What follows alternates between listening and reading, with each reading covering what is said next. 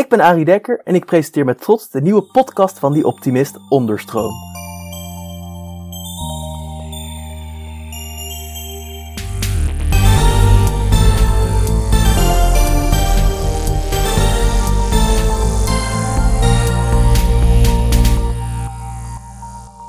Hallo iedereen. Zoals altijd bieden wij om de week een podium aan mensen en ideeën die meer aandacht verdienen.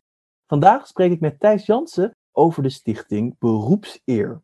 Deze komt op voor het belang van professionaliteit. Het startte in 2006 door het boek Beroepszeer, Waarom Nederland niet goed werkt, dat aankaart hoe professionals weinig waardering krijgen en vastlopen tegen logge regels en structuren. Nou, hallo Thijs.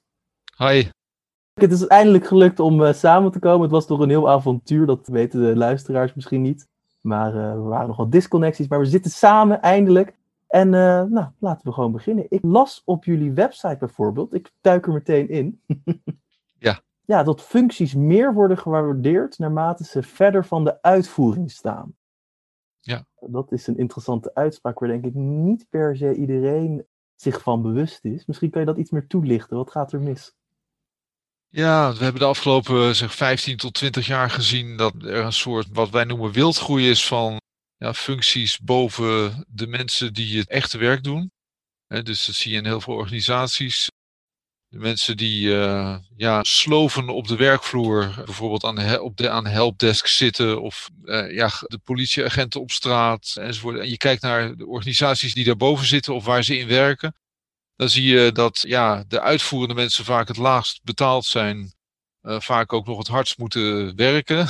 en uh, de contact hebben met burgers, met agressieve burgers, met lastige mensen. En daarboven zitten dan allerlei functies die, ja, die je zou kunnen betitelen als bureaufuncties of aanstuurfuncties, managementfuncties, bestuur, bestuurders. En die zijn de afgelopen decennia, ja, zijn die eigenlijk steeds groter geworden, die, die lagen die daarboven zitten. En die zijn ook steeds beter betaald geworden. Hè? Dus die worden ook uh, goed betaald. Ik heb wel eens zo'n plaatje eh, laten zien bij een van mijn PowerPoint-presentaties, waar dan een man in een kuil staat. Hè? Dat is, die is dan kabels dat ingraven, misschien voor telefoon of voor internet.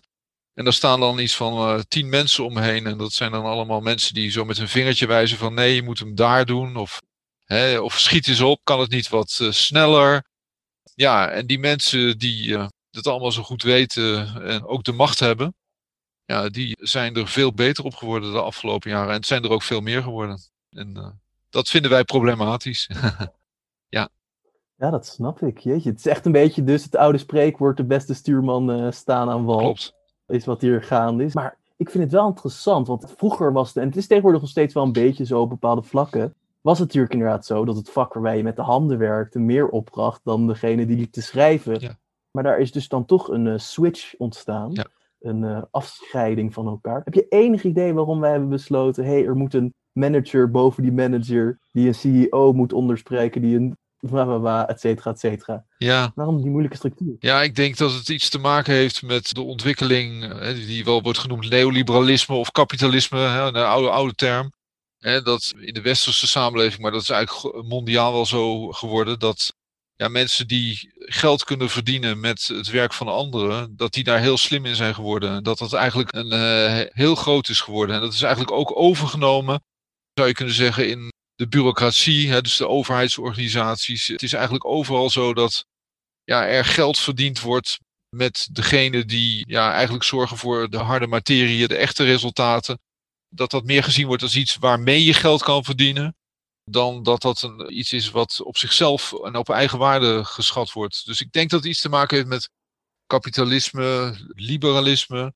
Maar het heeft ook wel iets te maken met technologie, denk ik. Het is zo dat we zitten in een samenleving die eigenlijk alleen maar goed en geschikt is voor hoger opgeleiden. Uh, dus de, de hoger opgeleiden die drukken heel sterk hun stempel. Dat wil zeggen 10, 20 procent van de Nederlandse samenleving die kan absoluut niet uit de weg met alle formulieren en alle bureaucratie. Het is een hele bureaucratische samenleving geworden. Dus ook hogere opgeleiden die hebben een beetje het heft in handen genomen. Die hebben een beetje ja, de macht gekregen, laten we het zo maar zeggen.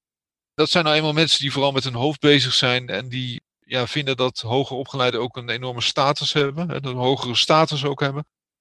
Ja, en daardoor is men een beetje gaan neerkijken op degene die met de handen werken.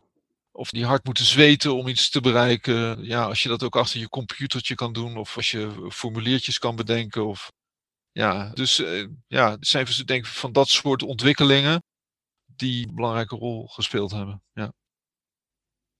Eigenlijk dus hetzelfde product met meer stappen is het geworden, als ik het ja, uh, hoor. Zeker. Uh, dat idee, ja. ja.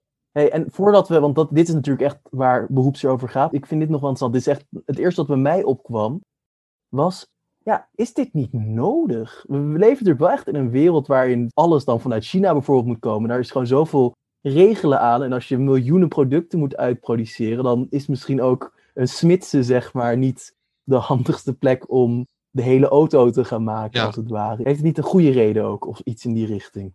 Ja, dat zou wel kunnen. Het, het, het, zal, het heeft natuurlijk best voordelen om op grote schaal te produceren. Wat is dan eigenlijk waar je het over hebt. Kijk, auto-industrie of daar kan je iets bij voorstellen. Hè? Daar zijn mensen zelfs overbodig gemaakt. Maar het is natuurlijk wel zo dat je je wel moet afvragen van in wat voor samenleving kom je terecht als de menselijke arbeid alleen nog maar wordt gezien als een soort noodzakelijk kwaad, als iets wat overblijft als we alles hebben laten overnemen door computers en machines. Ja, ik geloof niet dat dat een heel erg gelukkige samenleving gaat worden. Ik, ik ben ervan overtuigd dat een van de ja, soorten activiteiten waar mensen enorm gelukkig van worden, is dat ze ambachtelijk werk onder de knie krijgen. Dat je dus iets leert. Hè, bijvoorbeeld een podcast maken of uh, hè, dat je dat onder de knie hebt. Je kan daar je geld mee verdienen. Dat heb je misschien zelf geleerd of iets van je opleiding. Je hebt er in ieder geval uh, tijd en energie in gestoken om er uh, goed in te worden. Als er dan aandacht voor is, daar ontleen je zeker trots aan en ook ja, bevrediging. En zo werkt het. Als we dat allemaal van mensen gaan afnemen, dat genoegen, ja, dan wordt het leven wel heel kaal, denk ik. Dan zijn we alleen nog maar uiteindelijk consumerende uh, wezens die achter een beeldscherm zitten en uh, misschien kijken wat computers geproduceerd hebben. Dat is niet zo'n gelukkige wereld. Uh, in ieder geval niet een wereld waar ik in wil leven. En ik denk dat ja, mijn ideale mensbeeld is toch een mens die kan leren en plezier schept in vaardigheden ontwikkelen, daar goed in worden. Of dat nou in sport is of ja, iets, een ambacht onder de knie krijgen. Ja, dat is volgens mij ja, wat past bij mensen en wat past ook bij de menselijke maat. En al die grote efficiency-slagen waar de mens overbodig wordt gemaakt, zoveel mogelijk. En waar de aandacht vooral ligt op uh, zoveel mogelijk en zo snel mogelijk heel veel geld verdienen. Ja, daar ben ik niet zo van. En ik, ook niet omdat het heel vaak gepaard gaat met veel onrechtvaardigheid. Hè. Dus kijk maar bijvoorbeeld naar als je een boek bij Amazon bestelt. Hè, hoe dan in die gigantische magazijnen daar mensen rondlopen die geen pauze mogen nemen en in een idioot tempo die boeken bij elkaar moeten brengen. En waar de robot ook al uh, zeg maar rondloopt om ze te vervangen uiteindelijk. Ja, en dan hou je op een gegeven moment alleen nog maar, denk ik, mensen over die goed verdienen aan die automatisering en die schaalvergroting. En een hele, hele grote klasse van mensen die gewoon eigenlijk ja, niet meer nuttig is. Dus een onnuttige klasse mensen die ook weinig geld meer uh, tot hun beschikking hebben. Want ja, die hebben gewoon geen nut meer. Ik denk dat dat niet een samenleving is waarin ik zou willen leven. Dus verzet me daar ook tegen. Ja. ja, dat is denk ik heel goed. Maar wat ik wel een grappige vind dan hierbij. Sorry, ik ga nu heel erg hierop door. Ik hoop dat je me nog een beetje wil dat toelaten. Ja hoor. Ik las namelijk wel ergens tot het mooie aan de mens is. Ik weet niet meer precies de quote. Ik zal hem er aan het einde nog even precies gaan zeggen. In de napraatje, napraatje dat dus die technologie altijd wel weer een nieuwe baan zal scheppen. Hoe sta jij daar dan in? Dus dat als er dan een robot komt, dan wordt dus uh, Charlie and the Chocolate Factory bijvoorbeeld. Als er dus aan het begin van de film de vader van Charlie werkt in een tandpasta dopjesfabriek, waar de tandpasta dop op de tandpasta wordt gedraaid. En dan opeens slaat het noodlot toe, namelijk er komt een machine die het gaat doen. Maar wat dan dus eigenlijk vaak wordt gezegd in de meer positievere kringen rond deze ontwikkeling is, ja, dat is verdrietig, maar dan kan de vader die de tandpasta-dropjes draait, nou, zeg maar doorgaan naar een punt waar hij de robot repareert die nu zijn tandpasta-dopjes draait. En dat je dus op die manier... Ja. Dus de robot creëert eigenlijk vijf banen, terwijl er eentje verloren gaat. Hoe denk jij daarover? Ja, we zitten hier in de podcast op optimisten, dus uh, daar kan je misschien optimistisch over zijn. Ik ben er wat pessimistischer over, omdat ik denk dat ja, de nieuwe technologie, het geld wat daarmee verdiend wordt, dat gaat toch vooral op de grote hoop bij mensen die al heel veel geld verdienen. Dat is puur kapitalisme eigenlijk. En ja, ik ben ook eigenlijk voor een wereld waarin we als burgers ook veel meer zeggenschap hebben over ja, wie waar eigenaar van wordt en hè, waar het geld heen gaat. En ik vind die enorme verrijking waar we dan maar, wat we maar toelaten en dan, dan vaak gepaard aan dat optimisme wat jij een beetje uitstraalt. Zo van nou, nee, dat is hartstikke goed. Ja, er zijn eenmaal mensen die miljarden verdienen met die technologie en dat, daar kunnen we verder ook niks aan doen die maken heel veel werk overbodig. Daar kunnen we ook helemaal niks aan doen. En uiteindelijk zal het wel weer goed komen. Ja, ik, daar ben ik niet zo heel optimistisch over. Bovendien vind ik die hele scheefheid van die er ontstaat door die verrijking, die vind ik verwerpelijk eerlijk gezegd. En ja, ik hou meer van een samenleving met een wat kleinere schaal, met meer gelijkheid en meer ruimte voor scheppingskracht en, en zeggenschap. Ik denk dat er niemand is die gaat zeggen: nee, daar ben ik het niet mee eens. dat zeg je mooi. Nee, maar dan moeten we het ook veranderen. Hè? Dat is natuurlijk het hele punt. Ja, het is natuurlijk zo dat heel veel mensen, ja, die stemmen nog steeds eh, op, hoe zeg je dat, meer conservatieve partijen die uh, het zo houden als het is. En daar zit ook een, zeg maar, dat beetje, wat ik maar noem, luie optimisme onder van, ja, dingen veranderen wel. Ik vind het allemaal niet zo leuk, maar eh, ja, het, zal wel weer redelijk goed komen. Hè? Dus, maar ik denk dat, ja, we kunnen ook als mens proberen ons stempel te drukken om de wereld een stukje beter te maken. En uh, ja, er is genoeg te verbeteren. Hey, weet je wat grappig is? Het is? We hebben oprecht een thema hier aangeslagen dat heel vaak terugkomt in de podcast. Bijvoorbeeld in de AI-podcast met Jim Stolzen komt dit ook al op. Die zei ook van, kijk, AI, dat is allemaal mooi en aardig. Maar we moeten er wel voor zorgen dat we het onder controle houden. En dat het onze AI blijft. En dat ging geen eens dan dus per se over dat AI de wereld ging overnemen. Maar gewoon meer van, wij moeten gewoon weten wat er aan de hand is en wij moeten daarmee instemmen. Dus je gewoon maar neerleggen bij het feit, AI, dat wordt wereldwijd gewoon een ding. Waarom eigenlijk? En daar, dat vind ik een hele mooie houding, zeker. Waarom eigenlijk? Waarom gaan we daar blind in? Precies. En ik denk dat is dan een negatieve reden om ja, daar ook een, rem op te willen zetten. Is dat je natuurlijk ook wereldwijd nu ziet dat het ongemak en de onrust over globalisering, hè, die neemt ook toe. En dat uitzicht op manieren dat hè, heel veel partijen opkomen die vijanden aanwijzen in de eigen samenleving of daarbuiten. Hè, die dus als ware hun onvrede externaliseren. En ik denk dat dat wel degelijk iets te maken heeft met het gevoel dat je in een samenleving zit waarin je geen grip eh, meer hebt. Dat dat leidt tot ja, een soort uh, Freudiaanse externalisering van ja, je ongemak op anderen. En ja, dat leidt niet tot een heel vredige samenleving. Dus ik pleit echt, dat is ook een van de drijfveren van mijn stichting, voor meer zeggenschap op alle fronten. Meer zeggenschap van cliënten, patiënten in de zorg, van professionals in allerlei terreinen, maar ook van burgers. Hè. Meer zeggenschap, meer meebeslissen over waar het heen gaat. En misschien ook meer lokaal. Hè. Dus het, ook al die hele grote schaal maakt het ook erg moeilijk om ja, mee te sturen en mee te beslissen. Dus uh, ja.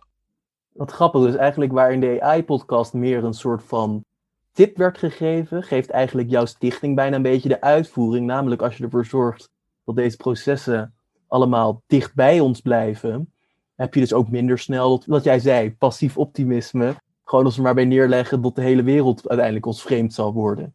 Maar ja, als het gewoon bij je buurman gebeurt, dat is misschien overdreven, maar je snapt mijn punt. Dan heb je het gewoon door, dan blijf je gewoon bewust wat er gebeurt, toch? Ja het is ook mooi wat je zegt. Hè? Dus een passief optimisme. Dat hebben veel mensen, maar dat is eigenlijk een soort ja, je neerleggen bij hoe dingen gaan en maar denken en hopen dat het wel goed zal komen. Hè? Dus ook al bemoei je er niet mee. En het actieve optimisme is natuurlijk, hè, dat, ik had je ook een citaat gestuurd van Popper, hè, dat het een plicht is ook om optimistisch te zijn. En dat ja, die, plicht wordt ingegeven doordat je ja, als je inziet dat je zelf ook mede verantwoordelijk bent voor de toekomst. Hè, je, en dat, dat is een mogelijkheid, dat is een mooie mogelijkheid. Namelijk dat je in staat bent en uitgenodigd bent om die toekomst met anderen vorm te geven. En als je daar pessimistisch over bent, dan neem je eigenlijk je verantwoordelijkheid niet. Maar als je passief optimistisch bent, doe je dat eigenlijk ook niet. dus je moet eigenlijk actief optimistisch zijn van ja, ik heb de mogelijkheid om de toekomst mee vorm te geven. En dan ga ik dat ook doen. En dan pak ik mijn kansen daarin. En ja, ik denk dat dat een mooie houding is. Ik vind wat jij beschrijft als passief optimisme ook eerder gewoon je erbij neerleggen, toch? Gewoon op de grond gaan liggen en zeggen: ik ga maar gewoon dood of iets dergelijks. Nou ja, dat, dat is al, dan alweer pessimisme, denk ik. Want het passief optimisme is voor mij meer dat je, hè, wat ik net beschreef, van nee, daar hoef ik me niet mee te bemoeien. Ik raak mijn baan kwijt, maar ik heb er wel vertrouwen in dat er wel weer andere banen komen. Dus eh, dat noem ik een beetje passief optimisme. Terwijl ik denk van ja, bemoei je dat uh, tegenaan, verzet je er tegen, zorg dat er een toekomst komt waar jij je ook in kan herkennen en waarin voor jou en jouw dromen en jouw mogelijkheden ook een plek is. Nou, en laten we nu ons een beetje gaan richten op de stichting. Ik denk dat we het mooi hebben ingeleid, het probleem. De oplossing ligt dan dus volgens jullie bij professionaliteit en beroepseer. Want het grappige is dus dat beroepseer ook meer is dan alleen een nou, mooie quodi-naam. Het is ook echt iets. Nou, ik zou graag willen begrijpen wat dan beroepseer is. Is dat een soort trots? Is dat... Beroepseer en beroepstrots hangen nou samen eigenlijk. Ja, je kan het zo uitleggen. Ik leg het wel eens uit met een drietrapsraket de basis is eigenlijk dat ieder mens ja, plezier schept in het onder de knie krijgen van vaardigheden die je eerst niet kunt. Hè. Dus eh, dat wil zeggen, ik neem vaak het voorbeeld van jongetjes of meisjes die je ziet eindeloos oefenen bij een basketbal net om de bal in te krijgen. En die kunnen daar uren mee bezig zijn. Die gaan er helemaal opstaan, staan vaak ook in hun eentje of met z'n tweeën. En hoe vaker dat goed lukt, hoe ja, meer plezier ze erin krijgen. Nou, dat is eigenlijk de basis voor alle professionaliteit, wat mij betreft. Plezier in ja, ergens goed in worden, beter in worden, plezier in leren, in presteren. En beroepstrots of trots is als je ja, er op een gegeven moment vooruit komt van, goh, kijk eens naar mij hoe goed ik daarin ben. Dus dat je anderen uitnodigt om te kijken. Dat je een beetje kan showen, dat je ook plezier hebt in dat anderen ook zeggen van ja, nou daar ben je eigenlijk wel bijzonder goed in. Of ben je beter in dan ik. En dat is denk ik ook belangrijk. Hè? Daar, daar, begint eigenlijk een beetje de behoefte aan erkenning. Hè? Dus dat je ergens goed in bent, dat leidt vanzelf tot ook plezier hebben in erkend worden daarvoor. Het is, sommige mensen kunnen heel goed totaal in hun eentje voortdurend maar beter worden in iets en goed zijn in iets, zonder dat ze behoefte hebben aan erkenning. Maar de meeste mensen hebben behoefte aan ja, omstanders, publiek, aanmoediging, applaus. En beroepseer, dat is dan eigenlijk de derde stap. Dat is dat je ja, anderen ontdekt of met anderen samenkomt die allemaal plezier hebben in hetzelfde. Dus een basketbalclub, een basketbalteam. En dat je met elkaar ernaar streeft om de beste te worden. Hè? En daar gezamenlijk een eer in stelt. Dus dat is wat, nog wat anders dan trots. Trots is dat je kan genieten dat anderen het goed vinden wat je doet. En eer is eigenlijk dat je met z'n allen actief en ingespannen gaat streven ernaar om de beste te zijn. Om die eer op te strijken. En zo zie je dat er een soort beweging is van ja, plezier wat ieder mens heeft in ja, leren en beter worden, in vaardigheden, in trots, erkenning van anderen en uiteindelijk in je voornemen om met anderen samen het hoogst mogelijke niveau te bereiken en daar de eer voor op te strijken. Dat is eigenlijk de relatie tussen trots en eer. Ze zijn dus niet hetzelfde, maar ze hebben wel iets met elkaar te maken. Dus het eigenlijk bijna, want dit gaat dan natuurlijk bij beroepen, is dit misschien iets abstracter. Want dat heb ik bijvoorbeeld, dit is even een voorbeeldje. Laten we even een voorbeeldje drinken. Nou, ik heb nu bijvoorbeeld de social media van ons tijdschrift op me genomen. En het eerste wat ik doe dat samen met iemand, wat diegene tegen mij zei, was nooit zeggen dat het weinig moeite kost. Dus bijvoorbeeld iets gewoon op Instagram posten. Voor de meeste mensen zien ze dat dan waarschijnlijk als een klik en je bent klaar. Maar ja, je bent er toch weer een half uur mee bezig. Dus niet zeggen van, ah, dit doe ik wel even. Nee, je zegt nooit, je doet wel wel even. Je zegt, ik doe het. Je maakt er een veel actievere actie van. Dat is een beetje wat jij bedoelt met beroepseer. Dat je dus niet over, dus bijvoorbeeld iets in de zorg, dat je voor de zoveelste keer een uh, bejaarde zijn billen hebt afgeveegd, dat je dat dus niet afveegt als, dat doe ik even. Ach ja, het is maar weer wat. Mhm. Maar echt gewoon, ja, ja. trots is misschien. maar eigenlijk wel gewoon dat je dus trots bent dat jij een echt nou, met je handen vak gewoon beheerst. En uh, de beste zorg kan leveren en daar ook echt voor gaat. Ja. Dat zie je in de zorg heel veel, dat mensen die in de zorg werken, dat een belangrijke reden waarom ze het volhouden is dat er ook tijd is om te horen dat patiënten vinden dat ze goed verzorgd zijn. Dat ze laten merken dat het prettig is, dat het fijn is, dat het goed is. Dat je een relatie kan opbouwen. Hè? En dat heeft allemaal te maken met die trots. Het is zo erg dat dat wordt gezien als ja, eigenlijk overbodige tijd die geld kost. Maar eigenlijk, ja, dat willen we er eigenlijk uithalen. Dat willen we eruit schrappen. Dus dat betekent dat in mijn drietrapsraket van beroepstrots en beroepseer, dat betekent dat je eigenlijk die motivaties voor trots en eer, dat je die er eigenlijk uitschapt en dat je eigenlijk alleen nog maar zo van, jij kan iets goed, nou zorg maar dat je dat zo snel mogelijk doet, want je bent er goed in. En wij kijken wel naar wat dat oplevert. En als het te weinig oplevert, dan moet je nog harder aan de bak. Daar zit geen enkele erkenning meer in. Dus je raakt helemaal eigenlijk vervreemd van ja, de oorspronkelijke motivatie. Dat is een mooie motivatie, namelijk om door erkenning en waardering steeds beter te gaan doen. En gemotiveerd te blijven om het te blijven doen. Ja, dat, dat hol je allemaal uit. En dat vind ik ergens. Ik denk dat dat mijn diepste motivatie is. Dat vind ik zo onrechtvaardig ook. Het doet zo'n onrecht aan iets heel moois wat wij mensen hebben. En wat je eigenlijk zou moeten cultiveren. Het is ook iets moois.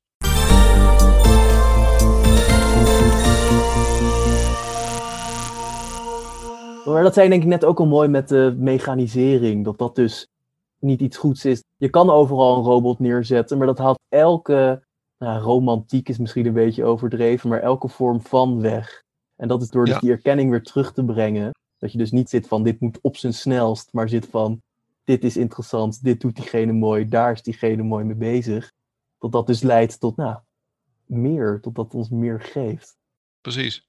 En daarom is deze tijd ook zo voelt ook zo kaal, omdat je hè, in alle interacties via bijvoorbeeld Zoom of daardoor worden we heel erg gericht om al onze contacten alleen nog maar op effectiviteit in te richten. Dus mensen zijn al, als je om drie uur begint, dan zijn mensen om drie uur aanwezig. Er wordt niet meer even een kopje koffie gedronken. Alle niet nuttige dingen zijn er als het ware afgehaald. En daarom is zeg maar, dat contact, als je dat de hele dag door hebt, is dat uitputtend. En dat we niet meer in concertzalen naar artiesten kunnen luisteren live en dat we daarvoor kunnen applaudisseren en onze erkenning voor geven en waarderen dat missen we ook. Dus het is ook een soort wezenlijke menselijke behoefte die nu eigenlijk door corona ook, ja, merken we dat we die eigenlijk hebben. En dat die, ja, daar kunnen we niet jarenlang zonder, als het ware. Dus dan gaan we toch zoeken naar hoe je dat weer anders kan doen. Dus ik heb nu soms gesprekken met mensen die zeggen van ja, laten we maar even niet gaan doen wat we nu moeten gaan doen, maar ja, je pakt er even iets bij, een kopje koffie bij of een drankje en je gaat gewoon eens even zeggen van hoe gaat het nou eigenlijk? Daar neem je eigenlijk te weinig tijd voor. Dus ja. Ja, want zelfs nu toen wij de podcast begonnen, heb ik dezezelfde fout gemaakt. Het was heel erg van, heb je nog vragen? Nee, oké, dan gaan we erin. Maar eigenlijk had ik gewoon even rustig aan moeten doen. En gewoon zoiets moeten zeggen van, nou, hoe gaat het? Leuk ja. diner, maar dat is waar. Ja, dat doe je wel, normaal gesproken. Wat raar eigenlijk, dat dat eruit is. Precies. Ja, weer ja. dus dat, dat we veel te effectief willen zijn. Veel te snel, veel te makkelijk. Ja. Meer herkenning, ja. Klopt. Hey, en wat ik dan wel interessant vind is, we hebben natuurlijk wel al nu besproken hoe dit is, ontstaan, hoe dit is ontstaan in de zin dat we hebben gewoon al een beetje gefilosofeerd daarover. Maar wat ligt dan nu? Het is wel echt een andere vraag, klinkt misschien een beetje hetzelfde dan dus deze beroepseer in de weg. Wat zijn obstakels, iets concreter, iets minder diepgaand als het ware? Ja, misschien kan ik dan het beste voorbeelden noemen uit sectoren. Wij hebben de afgelopen jaren zijn wij ons gaan toeleggen op het ja, bedenken van alternatieven voor verschillende beroepsgroepen en sectoren. Je ziet ook achter mij, dat ziet de luisteraar straks niet, maar bijvoorbeeld alternatief voor de zorg. Of echt doen wat nodig is, is een alternatief voor de jeugdzorg. Dus wij kijken nu samen met mensen uit die sectoren, dus de professionals uit die sectoren, dus dat wil zeggen artsen voor de zorg, jeugdzorgwerkers voor jeugdzorg, leraren voor het onderwijs. Met hen kijken we naar van ja, waar hebben jullie eigenlijk last van in die sector en wat zou er anders moeten? Nou, en als we dan even naar de zorg kijken bijvoorbeeld, daar is de afgelopen jaren natuurlijk heel veel discussie over de marktwerking in de zorg. Dus dat je moet concurreren. Maar tegelijkertijd wil men dat je ook samenwerkt. Hè? Dus je bent concurrent en je moet ook samenwerken. Ja, dat zijn allemaal aanwijzingen die je tot een beetje een schizofrene professional maken. En uh, dus die marktwerking, daar heeft men eigenlijk veel last van. En veel zorgverleners ervaren dat als niet passend bij zeg maar, wat ze dag in dag uit aan het doen zijn. Dus het is heel vreemd als het feitelijk in de aansturing en in het praten over de zorg het alleen maar gaat over dat het een kostenpost is, dat het veel te duur is, dat het nog goedkoper moet, dat daarvoor geconcurreerd moet worden. Ja, en die hele taal met grote gevolgen voor de praktijk, ja, daar heeft men grote moeite mee. Je zou kunnen zeggen, is er geen betaalbare zorg denkbaar zonder die marktwerking? Want marktwerking gaat ervan uit van een, een heel ander mensbeeld dan het mensbeeld wat ik net schetste. Marktwerking gaat er eigenlijk vanuit dat mensen pas werkelijk hun best gaan doen als er een concurrent is die ze op de hielen zit. En dat ze daar pas creatief door worden. En ja, daar geloof ik dan ook niet in. Dus. En we zien dat in heel veel sectoren, dus ook in de jeugdzorg. Ik ben nu net paar maanden bezig samen met FNV, grootste vakbond in Nederland, met Maaike van der Aar, bestuurder van de jeugdzorg. Zijn we begonnen een denktank op basis van ons boek Echt doen wat nodig is en hun manifest drastisch versimpelen. Om het voor ja, kinderen, jongeren, ouders en professionals in de jeugdzorg veel beter te maken. Want daar zie je dus dat ja, de sturing alleen maar op kosten. Hè, dus er wordt alleen maar gekeken van ja, het is zo duur, het moet goedkoper.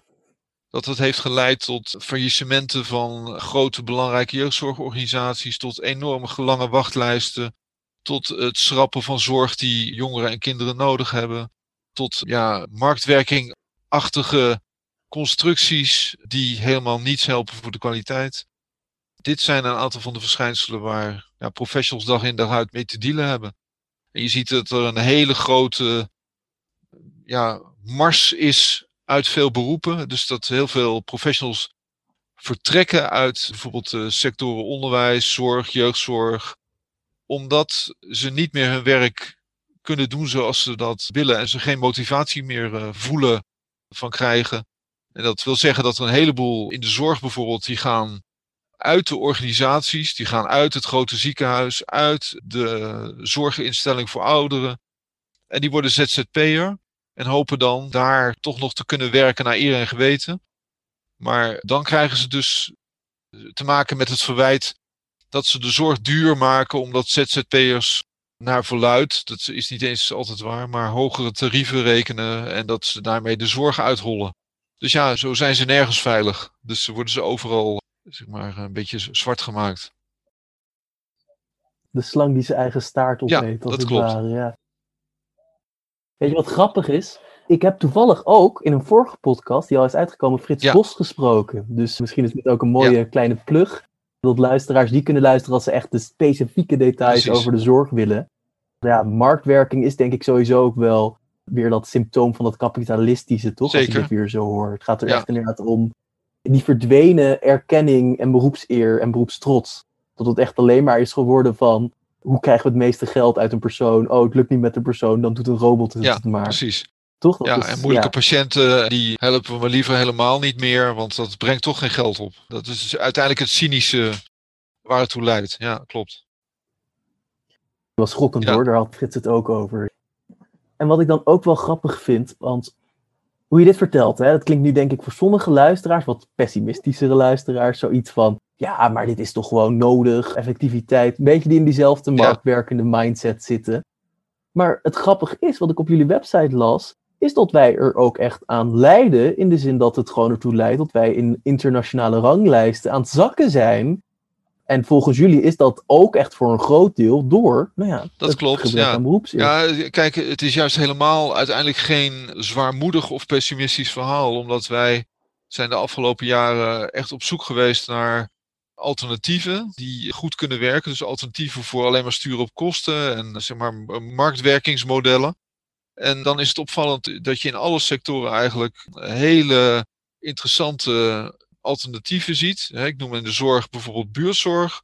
Eh, dat is een organisatie die ook ergens in 2005, 2006 ontstaan is. Die werken met de thuiszorg met kleine teams van 12 tot 15 verpleegkundigen. Die zelfsturend zijn, die mogen zelf een kantoortje in een wijk openen. Daar gaan ze zorg verlenen. Ze zorgen dat zeg maar, een patiënt een vaste verpleegkundige krijgt. Ja, dit bedrijf Buurtzorg, wat de hoogste beoordeling heeft van professionals, door professionals in de zorg, door patiënten, wat door zorgverzekeraars wordt gezien als ja, hoge kwaliteit voor een goede prijs. Daar komt alles samen eigenlijk, want daar, dat laat dus zien dat professionaliteit en beroepsheer, als je er ruimte aan geeft, dat het helemaal niet iets is wat de zorg veel duurder maakt, maar die maakt de zorg veel beter, juist, en helemaal niet duurder. Dus die angst, zo van, ja, als je professionals hun gang laat gaan, dan wordt het allemaal slechter. Dat is niet zo. En buurtzorg is inmiddels een internationaal bedrijf, hè, wat ik geloof in iets van 30 landen al is, maar altijd kleinschalig. En altijd, zeg maar, platte organisatie gebleven. Dus eh, geen managers, maar boven de teams zit alleen maar een coach, dus een regio-coach. Dus als een team problemen heeft, dan kan je de coach inschakelen. Dat is geen manager, dat is geen hiërarchisch uh, bovengesteld iemand. Maar dat is iemand die een team kan helpen als er een probleem is. En daarboven zit dan zeg maar nog een kantoor. En dat staat eigenlijk alleen maar in dienst van het ja, faciliteren van de verpleegkundigen met hele goede ICT, zodat ze heel weinig tijd kwijt zijn ook aan administratieve lastendruk enzovoort. dit is een voorbeeld dat je het echt heel anders kan organiseren. En er zijn veel meer voorbeelden. En ik eh, ben de afgelopen jaren ja, ook echt op zoek gegaan naar die voorbeelden en de mensen die daarachter zitten. En wij hebben inmiddels een heel leger van voortrekkers van beroepseer, die ook vaak hun sporen verdiend hebben met te laten zien dat je met beroepseer heel goede organisaties kan neerzetten die uitstekende prijs-kwaliteitsverhouding hebben. Dus het is helemaal niet onmogelijk. Wauw, wauw. Nou, dit klinkt alsof het, nou, niet alsof het opgelost is, maar het kan dus Zeker. gewoon, ja. Ja. Wat mooi. En dat faciliteren jullie dus door gewoon, ik las bijvoorbeeld op jullie website dat jullie gewoon advies geven, lezingen, jullie doen onderzoek hiernaar, groepscoaching, uh, jullie hebben een uitgeverij. Ja, wij proberen die beweging, die alternatieve beweging, te stimuleren, omdat wij denken dat het die kant op moet. En ja, daarvoor moeten nog heel wat mensen ook in de bestuur en politiek en in andere organisaties van gedachten gaan veranderen en overtuigd worden dat het inderdaad, dat dit niet een paar ja, enkele voorbeelden zijn, maar dat dit de toekomst is. Dat, dat het zo kan. En dat we dus op moeten houden met ja, die oude methoden die alleen maar demotiveren, dat we daar gewoon mee moeten kappen. En ik denk dat dat de belangrijkste boodschap is. En dat is ook onze missie en al die mensen die het al goed doen, die rekenen we tot onze voortrekkers. Ja. En terecht, toch? Ze volgen de boodschap en brengen het naar buiten, laten zien dat het kan. Zo is het. Een van de dingen die jullie voor mij, die jullie wel een beetje hebben ontdekt, of in ieder geval een van de dingen die jullie ook nou, vertellen op jullie website, dat vond ik interessant ook weer. Wederom om maar te laten zien van, het gaat echt niet alleen maar erom dat mensen nou, hun beroep zo leuk vinden. Het heeft ook echt diepere impact. Want jullie zeggen ook dat een desillusie rond beroepseer kan leiden dat gebruikers teleurgesteld en agressief worden zelfs. Dus dat de gebruiker, dus degene die het product koopt, maar dat vind ik een hele interessante stelling. En misschien dat je ook die wat kan toelichten. Daar zeg je wat. Ja, het is zo dat, neem dan even het voorbeeld van de jeugdzorg. Als jij in een organisatie werkt en je krijgt een kind waar echt iets mee aan de hand is, die problematisch is. Ouders komen met een kind van ja, het lukt niet, hij uh, we weten echt niet meer wat we met hem aan moeten. En jij zit in een organisatie waar je eigenlijk maar heel weinig tijd hebt om te luisteren, echt te luisteren van wat er aan de hand is. En echt vervolgens te doen wat er in dit geval moet gebeuren. Dus de ouders liggen misschien in echtscheiding, misschien hebben ze schulden, misschien zijn er andere dingen aan de hand. Maar je wordt door je organisatie eigenlijk gedwongen om maar snel, snel ja, te zeggen van nou, ja, we kunnen niks voor u betekenen. Of ik zie het niet zitten, want ik vind het ingewikkeld. Of je uh, schrijft iets voor van een therapie die helemaal niet werkt, die eigenlijk helemaal niet voor geschikt is. Ja, dat mensen dan ja, in ieder geval geïrriteerd worden tot agressief worden van dat ze niet goed geholpen worden. En het is vaak niet alleen zo dat dat één keer gebeurt, maar dat mensen soms wel eens twintig keer bij professionals langs moeten voordat ze één iemand vinden die werkelijk luistert en ook werkelijk iets kan betekenen voor ze. Ja, en dan is het natuurlijk, ik zou er ook bijzonder geïrriteerd van worden. En als je iedere keer teleurgesteld wordt, ja, op wie ga je dat dan afreageren? Dat is dan op degene die, die voor je zit en niet op zeg maar, het systeem. Maar dit komt in veel sectoren voor. Dus mensen die gewoon maar ja, hun werk moeten doen, maar dat eigenlijk niet goed kunnen. Ja, het is hun misschien ook wel ergens kwalijk te nemen dat ze hun werk dan zeg maar zo ja, slecht invullen. Ik heb wel eens dit soort mensen genoemd vrijwillige slaven. Hè? Dus dat kwam omdat ik ooit voor een zaal heb gestaan met hoogopgeleide psychologen. En die klaagden ook zo van wij kunnen ons werk niet doen, want we moeten ja, patiënten helpen in veel te korte tijd. En dat kan niet. En ze mogen maar zoveel sessies, begeleidingssessies hebben, dat kan eigenlijk niet. Ja, dat ging zo maar door. En toen zei ik, ja, maar wat doen jullie daar dan? De hele zaal vol. Er zitten hier 100, 120 mensen. Wat doen jullie dan? Nou ja, wat we dan doen is dan, ja, we sluiten ons gewoon met de patiënt maar op in onze behandelkamer. En dan proberen we het toch maar zo goed mogelijk te doen. Ja, en dat vind ik dus vrijwillige slaven. Want je hebt dus feitelijk veel macht als groep. Dus je kan werkelijk staan voor je beroepseer, zoals ik dat dan noem. Maar dat doe je dan niet. Maar dan ga je wel heel veel zitten klagen. En dit is dan ook nog een groep die andere mensen moet helpen. Dus als je jezelf niet kan helpen, ja, hoe kan je dan in godsnaam anderen helpen? Ja, dat is een beetje de relatie tussen ja, een agressieve cliënt of patiënt en eigenlijk ja, een professional die zich gedraagt als een vrijwillige slaaf en dus hulp of een dienst biedt die ondermaats is, terwijl die dat zelf ook wel weet, maar dat toch maar blijft doen. Ja, dat is hem ook wel ergens, hem of haar ook wel ergens te verwijten. Ik vind ook, je kan eigenlijk uiteindelijk altijd wel of weggaan, of je verzetten, of je organiseren. Dan heb je in ieder geval geprobeerd er iets aan te doen. Ja. Ja, je kan de hele tijd als een leger voor, bij een klif staat, kunnen steeds terug gaan vallen. Maar op een gegeven moment dan sta je tegen de rand en kan je niks meer. Dus Precies. terugvallen is een optie, maar wat bereik je er maar helemaal niks. Je probleem wordt alleen maar groter en uh, benieper. Ja, ja, ja, nee, en ik denk ook natuurlijk zeker bij de zorg, zoals je dat zegt.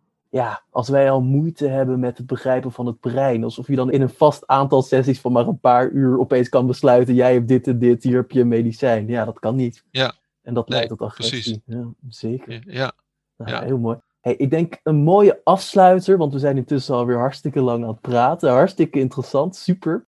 Maar um, wat kan ik daaraan doen? En dan bedoel ik dus niet eens per se dus een psycholoog. Maar ik ben bijvoorbeeld schrijver. Niet tot dat dan niet meteen niks te maken heeft met beroepseer. Maar dat is gewoon, bijvoorbeeld mijn beroep staat wel een beetje los van een zorgmedewerker. Maar hoe kan ik dan ervoor zorgen dat die beroepseer terugkomt voor een zorgmedewerker of dus een politieagent, voor een leraar? Ga zo maar door. Ja, wat je kan doen is, als er gestemd wordt, kan je een goede stem uitbrengen. Dat, dat, kunnen we allemaal. Partijen die hier oog voor hebben. En die geen genoegen nemen met het verhaal dat er eh, eigenlijk altijd maar te weinig geld is. En dat er altijd maar weer bezuinigd en gekort moet worden. Dat is één. Als het gaat over jouzelf, denk dat je al iets goeds doet vandaag met... En ook gedaan hebt met Frits Bos hè, van Beroepsheer. En nu mij aan het woord te laten en daar een mooie podcast van te maken dus eh, wat dat betreft heb ik niks, niks meer te wensen. en wat je als burger kan doen, ja, wat ik al zei, ik denk ja, daar meer oog voor hebben. En ik zie ook wel in verschillende sectoren steeds meer bewegingen ontstaan van professionals samen met cliënten. Omdat ze natuurlijk in, in zekere zin een gemeenschappelijk belang hebben. Dus eh, ze hebben allebei belang bij goede zorg. Ouders hebben ook belang bij goed onderwijs. Dus je kan ook als leraren kan je je verenigen met de ouders. En als zorgverlener kan je je verenigen met de patiënten. En dat zijn nu vaak nog aparte organisaties die soms zelfs tegenover elkaar staan. Maar ik denk dat het eerlijk gezegd beter is als elkaar zien als bondgenoten, want dan kom je veel verder.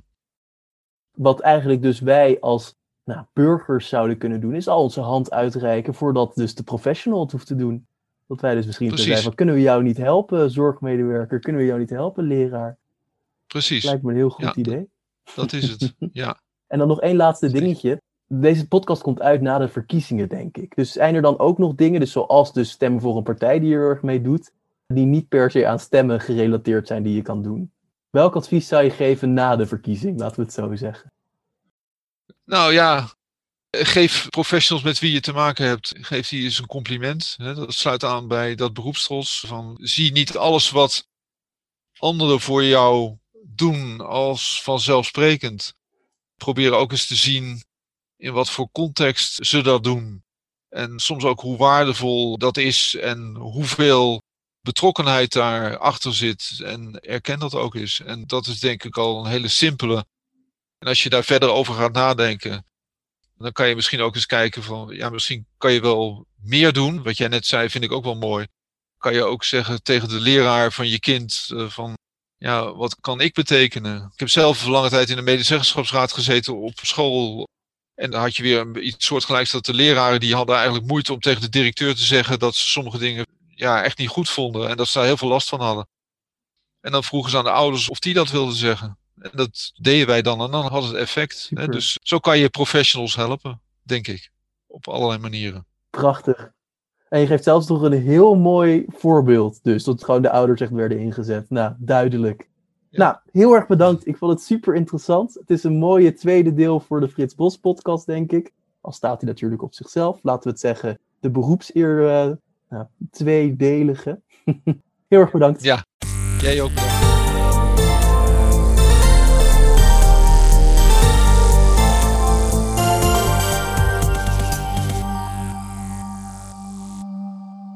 Nou, ik heb echt gezocht, maar kon nergens die quote over banencreatie vinden.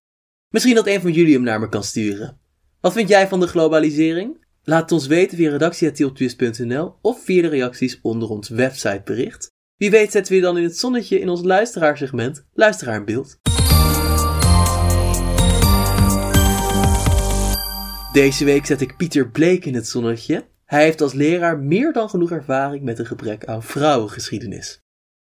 Ik vind het altijd zo schokkend om te zien in mijn les dat vrouwen het onderspit moeten delven tegen al die masculiniteit. Blij dat mensen zoals Els hun beste beentje voorzetten. Helemaal mee eens, Pieter. Als dit de eerste podcast is die je van ons hoort, kan je via onze website, Spotify of welke plek dan ook graag podcast luistert, de hele podcast over vrouwengeschiedenis luisteren, waar dit een reactie op was. In deze podcast vertelt Els Kloek waarom de vrouwengeschiedenis niet meer over het hoofd kan worden gezien. Ook zouden we het waarderen als je een positieve review achterlaat op Apple Podcasts. We zijn over twee weken weer, maar in de tussentijd hoef je natuurlijk niet met je duimen te gaan zitten draaien. Zo kan je het nieuwste nummer van die Optimist 197 lezen met als thema femininiteit. Hoe belangrijk zijn mannelijke en vrouwelijke eigenschappen? En is dit onderscheid nog wel nodig? Unieke stemmen zoals die van Qatar Harmonie en Daphne Laan delen hun visie op het onderwerp. Als laatste wil ik ook nog Anouk Wolf bedanken voor het maken van de muziek bij deze podcast.